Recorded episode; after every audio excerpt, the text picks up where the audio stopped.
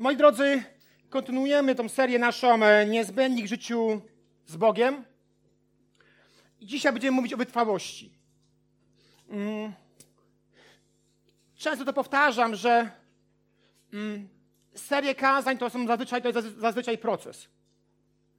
I gdy pomyślimy sobie o naszych wcześniejszych dwóch kazaniach, które miały miejsce e, w tej serii, to zauważymy, że e, zaczęliśmy od zależności od Boga bo zależność od Boga prowadzi nas do intymności z Bogiem. Gdy masz świadomość zależności od Boga, szukasz e, możliwości, aby być, w niej, być z Nim w relacji intymnej. A z kolei z intymności e, z Bogiem bierzesz siłę do wytrwałości. Jeżeli nie mamy społeczności z Bogiem bardzo bliskiej, bardzo intymnej, to też często nie mamy paliwa potrzebnego do tego, aby być wytrwałym. I dzisiaj o tej wytrwałości dzisiaj chcę troszeczkę mówić. I myślę sobie, że mm, bardzo ważne jest w naszym kontekście to, abyśmy e, mieli świadomość, że istnieją różne okresy, sezony w naszym życiu. Jedną z rzeczy, które pomagają nam e, ukończyć rozpoczęty bieg, jest świadomość, że podczas tego biegu będziesz miał różne momenty. Może trudno w to uwierzyć, ale kilkadziesiąt kilogramów temu byłem reprezentantem e, szkoły w biegach. Wiem, trudne. A byłem, e, biegałem na tysiąc metrów oraz w biegach przełajowych. Jeżeli ktoś z nas miał e, możliwość biegania, to rozumiesz to, że podczas tego biegu masz różne momenty. E, wpajano nam to, że jeżeli chodzi o biegi krótkodystansowe, ważny jest start. Żeby tak e, wystartować, żeby się nie przypychać, żeby mieć e, możliwość biegania w swoim tempie, bez potykania się o innych nogi na przykład. Jeżeli biegałeś na dłuższym okresie, to wiesz, że czasami jest tak zwana kolka. I chcesz zejść z tej trasy, bo masz taki moment kryzysu, że nawet e, trudno kolejny metr ci zrobić. I są też momenty takie szczęśliwe, jak gdy dobiegasz, gdy bijesz życiówkę, gdy, gdy, gdy jest to coś, mówisz wow, fajnie mi poszło. A więc bieg ma różne sezony, różne momenty, różne chwile, tak samo jak nasze chrześcijańskie życie. I o tej sezonowości w życiu z Bogiem mówi nam często Biblia. Chociażby o tym mówi Księga Rodzaju, ósmy rozdział i dwudziesty drugi werset. W tym to oto fragmencie Bóg przychodzi do Noego po potopie i e, da mu daje mu obietnicę. Dopóki ziemia istnieć będzie, nie ustaną siew i żniwo. Zimno i gorąco. Lato i zima. Dzień i noc. Wyobraźcie sobie piękny żaglowiec, który stoi w XIX-wiecznym porcie i który jest załadowywany różnym zaopatrzeniem. Na pokład tego żaglowca w odpowiedni ludzie, odpowiednie służby wnoszą worki, skrzynie, różnego rodzaju zaopatrzenie. Nadbrzeże, w którym stoi ten statek, jest w zatoce, co sprawia, że morze jest zawsze spokojne. Ono jest otoczone, więc nie ma sztormów, nie ma e, wielkiego wiatru, nie ma wielkich fal. Na pokładzie tego żaglowca jest kilku, ma, kilku żeglarzy, marynarzy, którzy po raz pierwszy e, udadzą się w, w ten rejs. Więc gdy przyglądają się temu morzu, a gdy są na, na tym żaglowcu, to mają tylko pewien obrazek morza. Widzą spokojne fale, widzą lustro wody, ciszę, spokój. Ale to dla nich może być problem, ponieważ morze takie nie jest. I gdy kolejnego dnia mają jakby widok z pocztówki, ale kolejnego dnia, gdy żaglowiec wypływa z zatoki, wypływa z nadbrzeża i zaczyna płynąć do miejsca swojego przeznaczenia, ci debiutujący żeglarze uświadamiają sobie, że to nie jest pocztówka.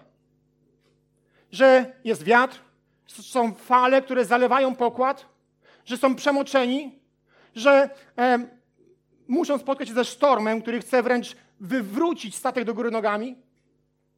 Są pewne momenty, w których ci słabsi żeglarze zadają sobie pytanie, czy bycie żeglarzem to moje powołanie? Czy tak właśnie ma wyglądać życie żeglarza? Zadają sobie pytanie, czy są na tyle silni, że są w stanie przetrwać tę podróż. Czy naprawdę dobrze wybrałem? Miało być tak pięknie. Była zatoka, spokojne morze, zero wiatru, zero problemów i myślę sobie, dlaczego teraz tak to wygląda. Bardzo często wielu z nas, wielu ludzi na początku swojej drogi z Chrystusem ma taki obrazek jak z pocztówki. Spokojne morze, zero wiatru, zero problemów. Układamy sobie życie pod tym kątem. Ale życie chrześcijańskie to nie jest obrazek z pocztówki. To są różne momenty, w których zadajemy sobie pytanie, czy to tak miało wyglądać? Czy naprawdę jestem powołany do tego, być chrześcijaninem? Bo miało być tak spokojnie. Miała być, tak, miała być taka cisza. Dlaczego muszę się spotykać z tym wiatrem, z tym sztormem, z tymi falami? Czasami mamy wrażenie, że tak samo jak ci żeglarze, tak i my, że jakby całe piekło chciał się na nas zwalić i nas pokonać. Wtedy jest to pytanie. I dlaczego tak się dzieje? Dlaczego nie jest tak spokojnie, jak, jak myśleliśmy, że będzie? Dlatego, że Pan Bóg pozwala na różne sezony w naszym życiu. Jest sezon, w którym stoisz zacumowany w porcie i jesteś załadowywany różnymi bogactwami. Ale nie po to buduje się statki, aby stały w porcie. Nie po to e, człowiek jest chrześcijaninem, po to, aby ciągle pakować, pakować, pakować na swój pokład. Bo każdy statek może być również przeładowany. I gdy jest przeładowany, zaczyna tonąć. Więc jest sezon, w którym stoisz w, w, porcie i jesteś załadowywany różnymi rzeczami. Po co? Po to, żeby za jakiś czas wypłynąć w rejs. Żeby wypłynąć w rejs i co? Komuś to przekazać. Każdy statek, który jest załadowywany, to nie jest po to, żeby był załadowany, tylko po to, aby wziąć coś na swój pokład, wypłynąć i przekazać to komuś, komuś, kto na to czeka. Tak jest nasze chrześcijańskie życie. Jeżeli chcesz tkwić w porcie i tylko ładować, ładować, ładować, grozi ci pewne niebezpieczeństwo, że nigdy nie wypłyniesz. Że ten ciężar będzie tak wielki, że uniemożliwi podróż z ładunkiem do miejscu, miejsca swojego przeznaczenia. Bardzo ważne jest to, aby to rozumieć, że są różne sezony. Jest sezon spokojny, ładowania w porcie. Jest sezon najbardziej niebezpieczny, gdy coś już posiadasz i idziesz, czy płyniesz, czy jedziesz, to komuś przekazać. To jest sezon najbardziej niebezpieczny, bo są e, momenty, w których może, czytaj diabeł, nie chce, abyś przekazał. Więc robi różne rzeczy, aby ta podróż była jak naj, najbardziej niebezpieczna, żeby ci się odechciało. Żebyś zawrócił z powrotem. Bo przecież tam było spokojnie. Tam był, była cebula, był czosnek. Tam było lepiej. Więc chcielibyśmy zawrócić do swojego portu. Ale jeżeli wiesz, co jest Twoim przeznaczeniem, to, że masz ten załadunek wyładować w innym porcie, przekazać komuś, kto na to czeka, jest ci łatwiej. A więc jest jeden sezon, sezon ładowania w porcie, gdy bierzesz wszystko, co potrzebne na swój pokład. Jest drugi sezon, najmniej bezpieczny, ten, ten sezon transportu, przemieszczania ładunku do kogoś, kto na to czeka. I trzeci sezon, sezon radości. Gdy wpływasz do portu, ktoś od ciebie to odbiera, jest ta ulga. Mówisz sobie, moja podróż miała sens. Ci ludzie czekali na te worki. Dlaczego XIX wiek? Dlatego, że często przewożono tym, e, w tym wieku żywność. Więc ktoś czekał na ryż, ktoś czekał na jeszcze inne rzeczy. Oni czekali. bo, bo im to pomocne do tego, aby mogli z, z tego żyć. Więc sezon ładowania, sezon transportu, przemieszczenia i sezon radości, w którym kończysz jakiś bieg, w którym przekazujesz to, co Bóg ci wcześniej pozwolił mieć na swoim pokładzie. Wracając do tego wersetu, zauważcie kontrast pomiędzy tymi rzeczami.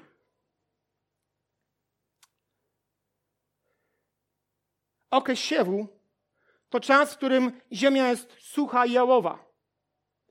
Nie ma w niej życia, dlatego musi zostać zaorana najpierw, aby mogło było coś zasiane. Musisz być załadowany po to, aby coś wydać. Ta twarda jałowa gleba musi być najpierw uprawiana, by później nadszedł czas żniw, w którym obradzają zboże czy też inne plony, które stały zasiane. Mamy tu również wymienione zimno i gorąco. Dwa przeciwstawne sobie bieguny. Następnie lato i zima, dzień i noc. A więc musimy zrozumieć, że tak jak w przyrodzie czy naturze, tak również w naszym życiu są różne sezony. Gdy to rozumiesz, to jest bardzo ważne, gdy to rozumiesz, to nam ułatwia przejście przez różne okresy swego życia i pomoże nam żyć bez rozczarowań, zniechęcenia, wyrzucania sobie, że jestem taki, taki, bo ciągle coś przechodzę. Gdy rozumiesz sezonowość, łatwiej jest ci żyć. Bo sezony mają do tego, że one mijają. Jest lato, później zima. Są jeszcze dwie inne pory, ale już wiecie o co chodzi. Gdy rozumiesz sezonowość, łatwiej ci przechodzi przez różne momenty swojego życia i pomaga ci to zrozumieć żyć bez rozczarowań, zniechęcenia czy poczucia porażki. Amen? Po drugie, nie patrz wstecz. Ewangelia Łukasza, 9, 9 rozdział i werset 62. Żaden, który przyłoży rękę do pługa i ogląda się wstecz, nie nadaje się do Królestwa Bożego. Ostro. Nie wiem, czy zauważyliście, że patrzenie wstecz jest zarówno pożyteczne, jak i niebezpieczne. Bowiem ono jest zależne od tego, ile uwagi poświęcasz właśnie na to. Każdy samochód ma lusterka wsteczne. One są po to, aby każdemu kierowcy pomóc prowadzić bezpieczny samochód. I one są bardzo pomocne nam w jeździe. Ale gdy poświęcasz e, dużo uwagi lusterkom wstecznym, to znaczy, że nie patrzysz do przodu. To znaczy, że nie widzisz drogi, która jest przed tobą. I ta funkcja bardzo bezpieczna nagle staje się niebezpieczna.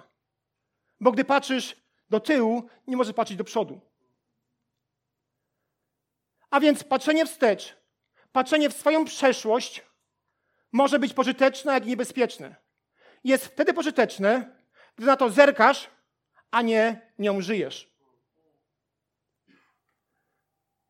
Patrzenie wstecz jest, jest wtedy pożyteczne, gdy na to zerkasz od czasu do czasu, a nie tylko na tym się koncentrujesz. Tak samo z przeszłością.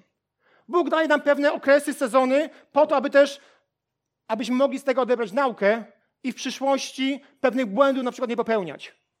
Ale jeżeli rozdrapujesz swoje porażki, jeżeli rozdrapujesz swoje powodzenia, jeżeli ciągle jesteś w tej przeszłości, to jest niebezpieczne, bo nie posuwasz się do przodu, gdyż ciągle jesteś na tym skoncentrowany, aby patrzeć wstecz. Zobaczcie, jak to mm, apostoł Paweł ujmuje. List do Filipian, trzeci rozdział, 13-14 werset. Zapominam o tym, co za mną i uparcie sięgam po to, co przede mną zdążam do celu, do nagrody, która łączy się z pochodzącym z góry Bożym powołaniem w Chrystusie Jezusie. To sformułowanie uparcie sięgam mówi o wytrwałości. Apostoł Paweł był zdeterminowany, aby ukończyć bieg i odcina się od swoich e, przeszłych porażek, ale też swoich przeszłych sukcesów. Jest do tego zdeterminowany, aby iść do przodu i ważne są lekcje z przeszłości, ale on nie patrzy wstecz. Mówi, zapominam o tym. rozumie to, że tak samo jak porażka, tak i sukces może cię zatrzymać w pewnym miejscu i nie sięgniesz po to, co jest Twoim powołaniem w Chrystusie Jezusie. Ostatnimi czasy zauważam, że e, w naszym kościele diabeł sabotuje mm, lub próbuje sabotować to, co Bóg robi w naszym życiu. Modlimy się o uzdrowienie, następuje przerzut. Ktoś jest świadectwem w pracy, staje zwolniony. Wszystko po to, abyś nie ukończył biegu. Wszystko po to, abyś się zatrzymał i powiedział: Jestem do niczego. Wszystko po to, aby, aby ten bieg nie był ukończony. Ale apostoł mówi: Zapominam o tym. Okej, okay, miało to miejsce, ale zapominam o tym i idę do przodu po to, by sięgać po więcej. I w takich momentach, gdy on próbuje sabotować, ważna jest wytrwałość. Ważna jest mm, ta świadomość tej sezonowości, że są różne etapy w naszym życiu. Wierzę, w takich momentach, w takich sezonach Bóg oczekuje od nas wytrwałości. I widzę Was, kochani, że Bóg ją odnajduje. Myślę, że bardzo często Bóg jest z Was dumny, że mimo wielu przeciwności, problemów, idziecie do przodu. Chcecie sięgnąć po to, co jest w Chrystusie Jezusie. Chcecie sięgnąć po to, co jest najpiękniejsze dla naszego życia. Myślę, że Bóg oczekuje od nas determinacji, która pozwoli nam przyłożyć rękę do pługa i nie oglądać się wstecz i to odnajduje. W wielu rozmowach z wami słyszę, e, że z czymś się borykacie, ale też widzę nadzieję, wiarę potrzebną do tego, aby iść dalej. I myślę, że z tego powodu Bóg jest z nas dumny, że ciągle, ciągle idziemy do przodu, zapominając o tym, co było w przeszłości. Myślę, że Bóg oczekuje tej determinacji i wielu z nas po prostu ją znajduje. Amen? Trzecia rzecz. Stań się jak Twój mistrz. List do Hebrajczyków, 12 rozdział i drugi werset. Z tego powodu my, otoczeni tak wielką rzeszą świadków, odrzućmy wszelkie przeszkody oraz krępujący nas grzech i biegnijmy wytrwale w wyznaczonym nam wyścigu. Utkwijmy wzrok w Jezusie, w tym, który wzbudza i doskonali wiarę i który ze względu na czekającą go radość wycierpiał krzyż, nie zważając na hańbę i zajął miejsce po prawej stronie tronu Boga.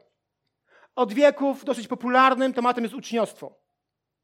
Przez ostatnie trzy dni, między innymi z Marysią, Wiktorem, o tym mówiliśmy. Nowy Testament sporo nam o tym mówi. I mówi nam o tym, że funkcjonowali różnego rodzaju uczniowie. Że faryzeusze mówili o sobie, my jesteśmy uczniami Mojżesza. Ewangelia Jana 9,28. Jan Chrzciciel miał uczniów. Faryzeusze mieli uczniów i Jezus miał uczniów, którym powiedział, wystarczy uczniowi, aby był jak jego mistrz. Ewangelia Mateusza 10,25.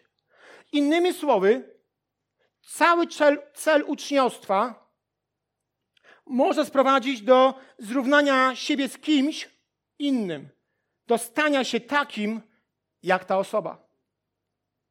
Na przykład powiedzmy, że jesteś obdarowanym poetą i najsłynniejszy poeta ever, żyjący współcześnie na świecie, pisze do ciebie, mówi, chcę w ciebie zainwestować przez rok, chciałbym, abyś był moim uczniem. Ten ktoś prawdopodobnie skacze z radości i mówi super, bo jego marzeniem było to, aby stać się jak ten wirtuał, jak ten, jak ten mistrz. I robi wszystko, poświęca swoje pieniądze, poświęca swój, swój czas, bierze od niego lekcje, bo chce się stać jak ten mistrz. Albo załóżmy, że jesteś utalentowanym skrzypkiem i chcesz być taki jak najlepszy e, skrzypiec na świecie. I on ci proponuje lekcję u siebie. Mówisz, wow, chcę być tak jak on, zrobię wszystko, aby tych, z tych lekcji skorzystać. To jest właśnie cel uczniostwa. Aby stać się takim jak Chrystus. Aby stać się takim jak mistrz. A więc sensem uczniostwa jest to, aby stać się jak mistrz, na którym się wzorujesz. Aby stać się jak Chrystus. Biblia w dziejach apostolskich, to jest ciekawe, przypomina nam o tym, że po raz pierwszy uczniowie zostali nazwani chrześcijanami w Antiochii. To jest ciekawy proces, bo najpierw byli uczniami kogoś, a dopiero później byli chrześcijanami. Chrześcijaństwo stało się dla nich jakiś, jakąś nagrodą. W obecnych czasach, współcześnie, słowo chrześcijanin się bardzo rozwodniło. Ludzie próbują na swój sposób być chrześcijaninem. Ale jeżeli nie jesteś uczniem Chrystusa, nie może być chrześcijaninem. Jeżeli nie wzorujesz się na tym, kim jest tym mistrzem, jesteś tylko uczniem, a nie jesteś chrześcijaninem. Bo przecież chrześcijanin to osoba, która jest podobna do Chrystusa. Uczy się od Niego. Zachowuje się tak jak On. Wierzy w to samo, co On. I Go naśladuje. Chrześcijanin to osoba, która utwiła swój zwrok w Jezusie i która jest wytrwała tak jak On. Mylimy pojęcia. Nie każdy uczeń jest chrześcijaninem. Tylko ci, którzy podążają za Chrystusem, na nim się wzorując, mogą te miano piastować. Po czwarte, wytrwałość kosztuje. Pewnego razu Bóg powiedział do Abrahama, Abrama, Księga Rodzaju, 15 rozdział, e, od 4 do 7 wersetu.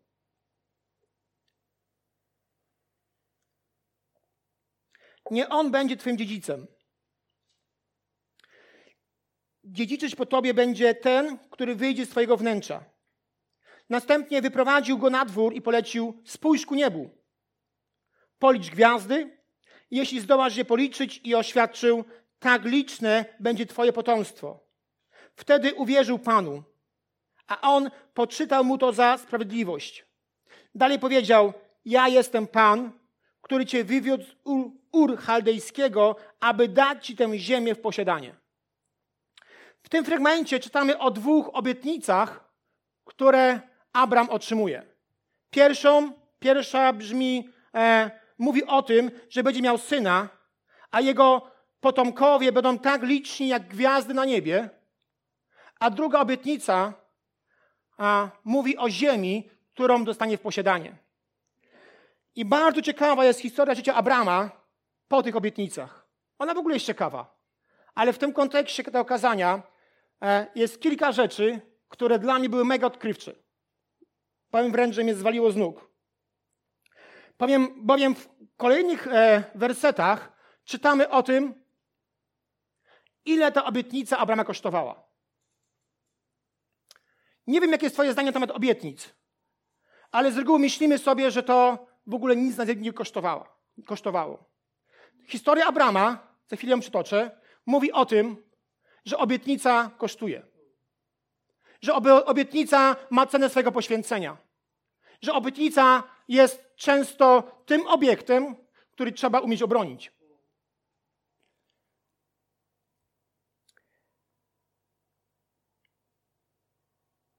Zobaczcie, Księga Rodzaju, 15 rozdział, 9 werset, że zatem zaraz po otrzymaniu obietnic Bóg ponownie przemawia do Abrama.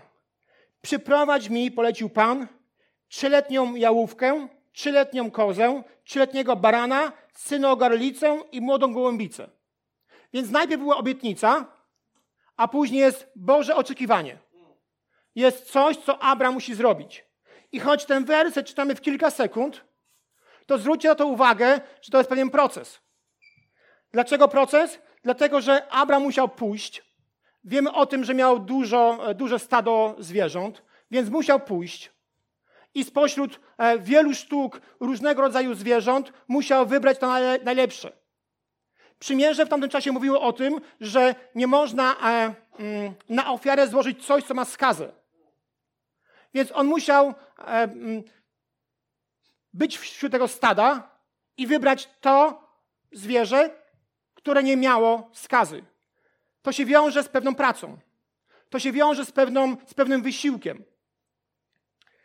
E, musiał je wyszukać, wybrać, przygotować, następnie zbudować dwa ołtarze, ponieważ właśnie tego wymagało ówczesne przymierze. Po tym, jak to Abraham zrobił, przyniósł to dla Pana Boga, wypełni dokładnie całe słowo Boga, można by oczekiwać, że przyjdzie Bóg i powie: Dobra robota. Fajnie, że się postarałeś. Fajnie, że wybrałeś to, co najlepsze. Dzięki, super. Przyjmuję. Ale kolejny werset mówi o innym scenariuszu. Księga Rodzaju, 15 rozdział, 11 werset. Czytamy o tym, że przybyły drapieżniki. Ptaki drapieżne przyleciały wówczas na żer, lecz Abram je odpędził. Zauważcie, zamiast Boga potwierdzającego obietnicę, potwierdzającego to, że wykonał dobrą robotę, przylatują ptaki drapieżne, które chcą zjeść to, co On chce dać Bogu. One pojawiły się dokładnie zaraz po tym, gdy Abram chciał coś dla Boga oddać. Dokładnie po tym, gdy ta ofiara była złożona. Dokładnie po tym, gdy ona czekała na to, aż Bóg się do tego przyzna. Gdy Bóg, zauważcie, że mimo upływu wielu lat, ciągle jest podobnie. Jakie pierwsze myśli to by towarzyszyły po chrzcie w Duchu Świętym? Przyleciały ptaki w postaci wątpliwości. Jakie pierwsze myśli przychodzą do ciebie, e, gdy zostajesz uzdrowiony? Jest moment, w którym ptaki drapieżne często nawet przynoszą większy ból niż przed uzdrowieniem. Jeżeli jest coś, co dał ci Bóg, przychodzą draki, ptaki drapieżne na żer i chcą je to wszystko zeżreć. To się nie zmieniło. Jeżeli coś ma wspólnego z Bogiem w Twoim życiu, oczekuj ptaków drapieżnych, które zaraz po będą się pojawiały. Jakie masz myśli? Oddając dziesięcinę. Jakie masz myśli, oddając coś na kolektę? Przychodzą różne myśli. Ptaki drapieżne zawsze przychodzą chwilę po tym, gdy chcesz coś oddać Bogu na ofiarę. Zawsze przychodzą, przychodzą po to, aby cię z tego pomysłu wyswobodzić. Za każdym razem, gdy składasz jakąś ofiarę Bogu, wróg będzie w tym miejscu próbował odpędzić cię od ołtarza i od tego, co na nim złożyłeś. Abraham obronił to, co złożył w ofierze. Ptaki przyleciały, ale on je odpędził, by zachować to, co było na ołtarzu. Więc i my musimy je odpędzać. Wszystkie takie drapieżne w postaci zniechęcenia, strachu, wątpliwości diabeł chce wnieść do naszego życia. Po to, aby zabrać ci to, co chcesz od Boga otrzymać lub dla Boga złożyć. Gdy one się pojawiają, zrób to, co Abram. Odpędź je. Gdy tego nie zrobisz, ptaki drapieżne, diabeł okradnie cię wszystkiego, co masz. Gdyby Abram ich nie odpędził, ta ofiara, która miała być dla Boga przyjemna i miła, zostałaby przez te ptaki zjedzona. Abram nie oddałby tego, czego Bóg oczekiwał. Ale okej, okay, idźmy dalej. To jeszcze nie koniec tej historii. Dwunasty werset. Kiedy słońce zachodziło, zmorzył Abrama twardy sen. Opadły go też lęk i głęboka ciemność. Prawdopodobnie e, Abram był zmęczony tym odpędzaniem tych ptaków, więc zmorzył go sen. Normalna rzecz. Ale też czytamy o tym, że opadły go też lęk i głęboka ciemność. A uważam, że ten lęk był związany z dwoma rzeczami. Z tym, że ptaki drapieżne powrócą, a on będzie spał i, je, i tą ofiarę zjedzą, oraz z tym, że nastawał wieczór. Prawdopodobnie bał się tego, że gdy ptaki drapieżne e, powrócą nocą, on je nie odpędzi. Trudno jest walczyć z ptakami, gdy jest ciemno. Dużo łatwiej w ciągu dnia, gdy widzisz, skąd latują, widzisz, wiesz o tym wcześniej, ale gdy jest noc, trudno ci walczyć z czymś, gdy jest ciemno. Miał szansę obronienia się przed ptakami drapieżnymi, Ale tylko wtedy, gdy jest słońce, gdy jest widno, gdy jest ciemność, ta szansa znikła wręcz do minimum. Być może Abraham modlił się, Panie, jeśli słońce zajdzie, jestem w problemach, jestem w kłopotach. Nie będę wiedział, skąd przychodzą te ataki. Idźmy dalej. Biblia pięć wersów dalej mówi, e, Księga Rodzaju 15-17. A kiedy słońce zaszło i nastała głęboko ciemność. Jeszcze jeden e, e, w tym fragmencie fakt zwrócił moją uwagę. Gdy na zewnątrz jest bardzo ciemno, bardzo, bardzo ciemno, nie ma, nie ma możliwości, aby zobaczyć gwiazdy, które przypominały Abra Abramowi o obietnicy, którą Bóg mu dał. Być może, gdy czekał na tą obietnicę, aby się ona wypełniła, wystarczyło, że wieczorem wyszedł na dwór, spojrzał w niebo, gdzie były gwiazdy i Bóg odświeżał tą obietnicę.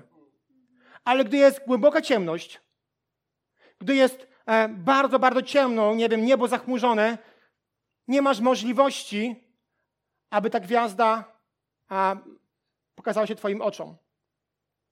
Więc gdy zapadła ta głęboka ciemność, Abraham został sam. Nie miał możliwości uchwycenia się czegoś, co mówiło mu o tym, że Boża obietnica ciągle jest do wykonania. Jest tu mowa o tym momencie, kiedy obietnice są tak dalekie, że musisz być wytrwały, trzymając się słowa Boga, które wcześniej usłyszałeś. Fajnie jest wierzyć w obietnicę, gdy widzisz krok po kroku, że coś się z nimi dzieje. Fajnie jest, łatwo jest wierzyć obietnicom, gdy zauważasz, że te gwiazdy ciągle istnieją. Ale gdy jest głęboka ciemność, gdy zostajesz sam, pośród lęku i strachu, trudno w to uwierzyć. Trudno znaleźć sobie siłę potrzebną do tego, aby ta wiara mogła zaistnieć. Dlatego w takich momentach, gdy jest głęboka ciemność w Twoim życiu, gdy są czarne chmury, które a, wszystko zasłaniają, gdy przylatują drapieżne ptaki, musisz mieć coś, czego będziesz się trzymał. Musisz mieć słowo od Boga, które czy widzisz, czy nie widzisz, jest tak potężne w Twoim życiu, tak mocne w Twoim życiu, że gdy jest ciemno, czy jest widno, to ono daje Ci siłę do tego, aby wierzyć w obietnicę. To jest coś, co jest potrzebne. Gdy nie masz w Słowie Bożym, w Słowie od Boga siły, nie masz, e, e, nie jest to dla Ciebie tak pewne i tak trwałe, trudno Ci będzie pośród głębokich ciemności wytrwać w wierze odnośnie obietnic. Są sezony, są momenty w naszym życiu, w których przez miesiące, lata słowo prorocze, słowo od Boga pchało nas naprzód. Biegniesz w wyścigu bez kolki, bez zmęczenia, bez zadyszki. Ale będą też takie momenty w waszym wyścigu, gdzie musisz czegoś się trzymać. Że będzie zmęczenie, będzie kolka. Nie będzie kogoś, kto cię będzie klepał po, po ramieniu. Tylko musisz w coś wierzyć, czegoś się złapać, że ten Bóg, który ci mówił, on ciągle tak o tobie myśli. Dla niego ciągle ważne jest to, kim jesteś i co ci obiecał. Są momenty w naszym życiu, w którym ta realność tego, tej obietnicy traci troszkę na sile. W takim momencie ważna jest wiara, która powoduje, że ciągle wierzysz, i wytrwałość, która powoduje, że ciągle poruszasz się w kierunku tego słowa, tej obietnicy. Bardzo istotne jest również w tej historii to, że na jej końcu, można powiedzieć w końcu, końcu Bóg przychodzi do Abrama i spełnia jego obietnicę. Spełnia obietnicę, którą dał jemu. Na końcu Pan pojawia się i wypełnia to, co mu obiecał. Moi drodzy, to prawda, że wytrwałość kosztuje, ale wytrwałość zawsze jest nagradzana. Wytrwałość zawsze jest nagradzana, jeśli nie tu, to w niebie. To jest ta wartość, która zawsze, której na, na, na końcu której zawsze jest sukces. Zawsze jest nagroda. Zawsze jest ten bieg, który kiedyś się kończy i kiedyś zostaniesz nagrodzony. Jeśli, tu nie, jeśli nie tu na ziemi, to na pewno w niebie. W chrześcijaństwie ta nagroda jest najlepsza z możliwych. Po drodze e, widzisz, jak Bóg spełnia swoje słowo w Twoim życiu, potem jak, widzisz, jak wzrastasz, a na końcu tej wytrwałości jest miejsce, w którym e, czeka na Ciebie doskonała relacja z Bogiem. W miejscu, gdzie nie ma płaczu, nie ma smutku, nie ma złości i być może kilku kolegów. Jest to miejsce, w którym e, ta intymność z Bogiem dochodzi do tego maksimum. To jest nagrodą, ta, taką nagrodą jest wytrwałość. Gdy ukończysz bieg, to tam właśnie, w tym miejscu, o którym mówię, ta wytrwałość jest wynagradzana. Ostatnia rzecz. Piąta. Wytrwałość prowadzi do dojrzałości. List Jakuba, pierwszy rozdział, od drugiego do czwartego wersetu. Drodzy bracia, za najwyższą radość uważajcie te chwile, gdy jesteście poddawani przeróżnym próbom. Wiedzcie, że takie doświadczenie waszej wiary kształtuje wytrwałość. Wytrwałość natomiast niech was prowadzi do dzieła doskonałego, abyście byli doskonali, nienaganni i bez jakichkolwiek braków. Jakub w tym fragmencie próbuje nam powiedzieć, abyśmy nie bali się różnych sezonów w naszym życiu. Abyśmy rozumieli to, że Bóg daje nam różne sezony, po to, aby nasza wytrwałość prowadziła nas do lepszej relacji z Bogiem. Mówi: Nie bójcie się przechodzić przez różne okresy życia. Próby i doświadczenia stanowią część Bożego planu i procesu. I pamiętajcie o tym, że na końcu jest nagroda. To nie zawsze jest łatwe. Ale nie wiem jak wy, ale ja nie oczekiwałem, że mój statek będzie tylko zawsze w tej zacisznej zatoce. Ja oczekuję, że ten mój statek będzie w różnych momentach płynął na morzu. Będę narażony na wiatr, fale, różne rzeczy, które to mogą towarzyszyć tej podróży. Gdy wiesz, że to nie jest e, historia z Harlekina, tylko historia mm, prowadzona przez Boga, który nas prowadzi przez różne sezony, ułatwię Ci iść. Jeśli wiesz, że jesteś w ręku Boga, łatwiej Ci przechodzić próby i doświadczenia. Rozumiesz, kto jest dawcą i rozumiesz, jaki jest cel. Musimy walczyć przeciwko zniechęceniu, strachowi, samotności, tym drapieżnym ptakom, które chcą ograbić nas z tej nagrody w niebie. I tego, czego potrzebujemy, kochani, to relacji z Bogiem i siebie nawzajem. Przyjaźni, relacji, które będą popychały nas w tym biegu. Zakończę e, historią, którą chyba mówiłem już ze sto razy, ale ciągle jest fajna. Raz w życiu widziałem kiedyś bieg na 400 metrów. To było podczas olimpiady, stare bardzo wideo. To była olimpiada dla niepełnosprawnych. Pamiętam, że kamera pokazywała mm, twarze zawodników. Wiem, że jeden nie miał dłoni, y, ktoś miał zespół Downa, ktoś miał, e, nie miał przedramienia. To byli ludzie, mówiąc generalnie, chorzy, niepełnosprawni. Ale gdy kamera pokazywała twarze tych zawodników, w każdym z nich było widać chęć zwycięstwa. Przecież po to startuje, aby zwyciężyć.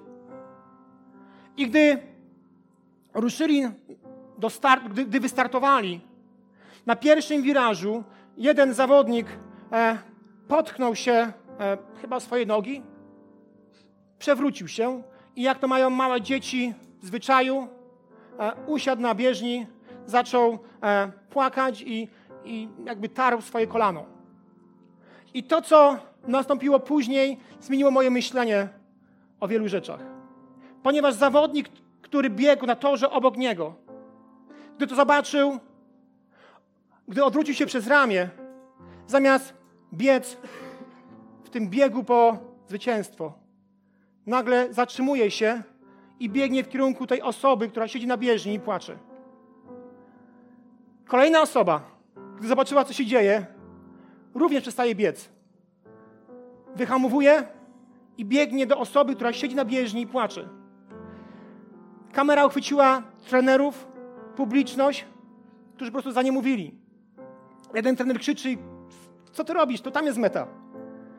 W kilkadziesiąt sekund nikt nie biegł w kierunku mety. Wszyscy pobiegli do tego chłopaka, czyli go przytulać, głaskać. W końcu wzięli e, na ramiona i razem wszyscy przekroczyli linię mety. Najpiękniejszy widok. Warto oglądać sport. Ćwiczyć warto, ale też warto oglądać. On pokazuje nam pewne rzeczy. Jakie to było chrześcijańskie. Jakie to piękne. Potrzebujemy siebie nawzajem. Każdy z nas jest w biegu. Każdy z nas jest uczestnikiem pewnego biegu. Ale proszę nas, zwracaj uwagę na tory obok ciebie. Czy ten zawodnik biegnący koło ciebie nie potrzebuje Twojej pomocy? Być może warto się zatrzymać. Na chwilę przyjść do niego, pogłaskać, nie wiem, wypić z nim kawę, porozmawiać, dać mu siłę, dać mu wsparcie, aby mógł dalej, mógł dalej uczestniczyć w tym wyścigu. Być może tą osobę musisz wziąć na swoje plecy i iść, nieść ją i iść w kierunku mety. Kościół, gdy był zbudowany przez Chrystusa Jezusa, gdy był powołany, to właśnie o tym mówił. To zgromadzenie ludzi, którzy się kochają. Będziemy mieć różne sezony w swoim życiu. Ale gdy będziemy mieć siebie, będzie nam łatwiej. Ptaki drapieżne, diabeł robi wszystko, aby cię odłączyć od stada. Bo gdy cię odłączy od stada, skasuje. Ale gdy będzie musiał walczyć ze stadem, nie sięgnie, podamy mu odpór i on od nas ucieknie. Chciałbym, byście pokłonili swoje głowy.